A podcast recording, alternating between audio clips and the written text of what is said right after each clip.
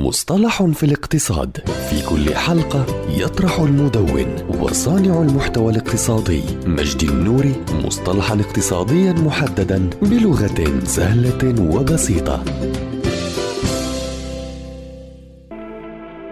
رأس المال السياسي. هو مصطلح يشير إلى قدرة الفرد على التأثير على القرارات السياسية ويمكن فهم رأس المال السياسي على أنه استعارة تستخدم في النظرية السياسية لتصور تراكم الموارد والقوة المبنية من خلال العلاقات والثقة وحسن النية والتأثير بين السياسيين أو الأحزاب وأصحاب المصلحة الآخرين مثل الناخبين. ويمكن فهم رأس المال السياسي على أنه نوع من العملية المستخدمة لتعبئة الناخبين أو تحقيق إصلاحات السياسات أو تحقيق أهداف سياسية.